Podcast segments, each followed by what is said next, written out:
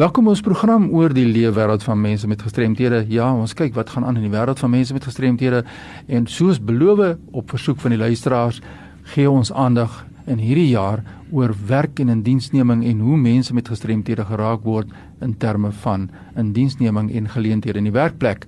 En om saam hieroor te gesels het ek 'n baie bekende persoon in Suid-Afrika genooi om hier te kom kyk wat doen ons en wat doen mense met gestremthede om sy menings daaroor te gee. Michael Bygram baie dankie dat jy gekom het.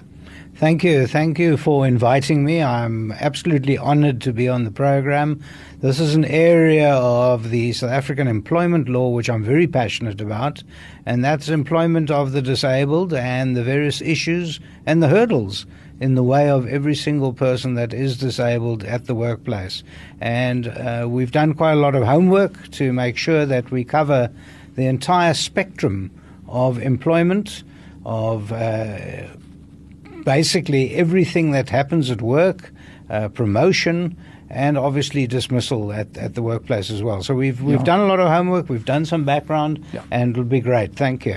Maar voor ons aangaan wil ek net eers weet, uh, vertel ons tell us more about yourself, your background. I mean, uh, that's important for the listeners to understand that Thank as well. Thank you. Yes, I, I went off to Rhodes University in Grahamstown after school. I was at school in Cape Town, at Cape Town High School. Very proud of that. Um, in Grahamstown, I was at university. I first did uh, a degree in political science, and then thereafter a degree in law. Um, in those days, we had very little law per se in the labour field. It didn't exist. Um, it was part under the admin law. Uh, today it's called Makhanda, not Grahamstown. And um, I developed an interest uh, in the labour law uh, only in my last year at university and in employment law. And uh, funnily enough, I remember in the Eastern Cape there were a lot of unemployment problems. It wasn't so much in the rest of the country, but certainly in the Eastern Cape. Um, I then went off afterwards to the army and obviously went into the law office in the army. I spent a year and a half in Windhoek, which was good to cut my teeth on how to defend people in the court martials. I came back straight to Cape Town and I've lived in Cape Town ever since. I became particularly interested in the dis- disability sector when many years ago, about now 18 years ago, my mom, my mother, had a stroke and was in a wheelchair.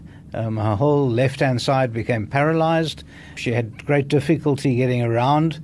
And I then started investigating why she couldn't go to her favorite tea rooms, to movie houses, uh, to all sorts of places. Why couldn't she get into places?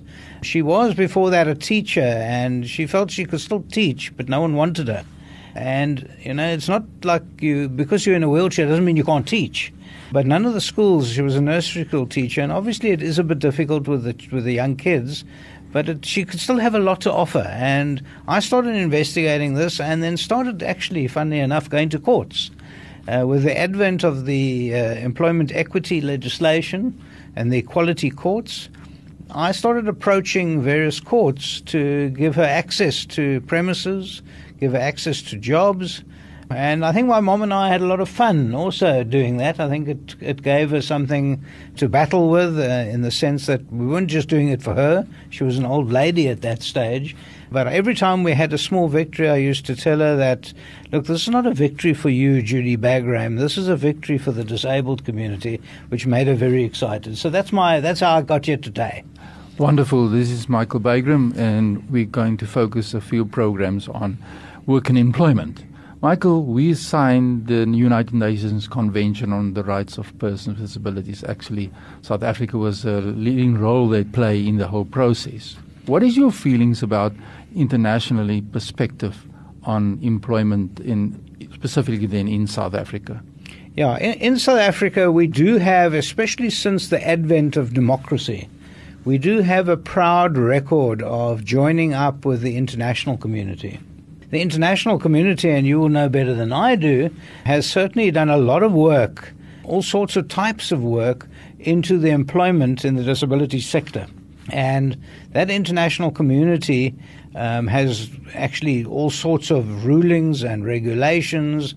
They have uh, seminars, templates, they have all sorts of, of issues that arise out of the employment in the disabled community, and we in South Africa are very proud to join that and to join hands with the people in the international community. And I think, uh, at least in terms of law and in terms of our own regulations, we were the, one of the world's best. It falls a little bit apart afterwards when we discuss later the problems that arise in trying to implement a lot of these agreements.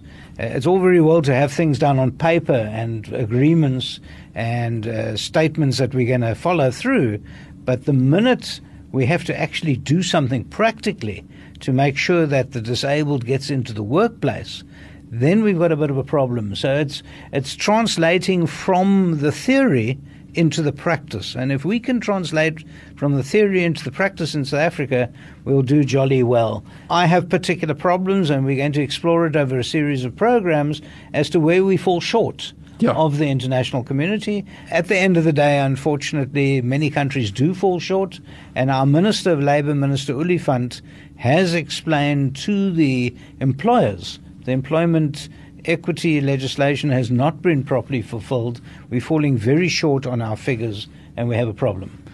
Dis Michael Baker wat so lekker met ons gesels in ons program oor die leefwêreld van die gestremde en ons kyk wat is die situasie oor werk en werkskepping in Suid-Afrika, work and employment. Michael, next week, uh, our next program, we're going to discuss closer to home the white paper on the rights of persons with disabilities in South Africa that was signed in 2015. What's your perspective on that? But your contact particulars, can that people work through me? Must I send the email to me if there's interest in what we said today? Yes, uh, you or they can email me. It's michael at bagraims.co.za. Uh, please repeat that. Michael, M I C H A E L, at bagraims, B A G R A I M S.co.za. Ja, en as jy 'n e-pos wil stuur aan my, fani.dt by mweb.co.za of stuur 'n SMS aan 082 08207358 ek sal seker maak dat die vrae en inligting deurkom by Michael Bygram om vir ons te help oor hierdie groot uitdaging wat ons het as mense met gestremthede in die oop arbeidsmark. Soos ek beloof het, ons gaan hierdie jaar gesels oor arbeidsaangeleenthede en ons gaan 'n paar programme, 'n reeks programme doen met iemand met die kundigheid. Michael, baie baie dankie dat jy gekom het ons gesels volgende program verder. You. Van my kant groetens tot volgende keer.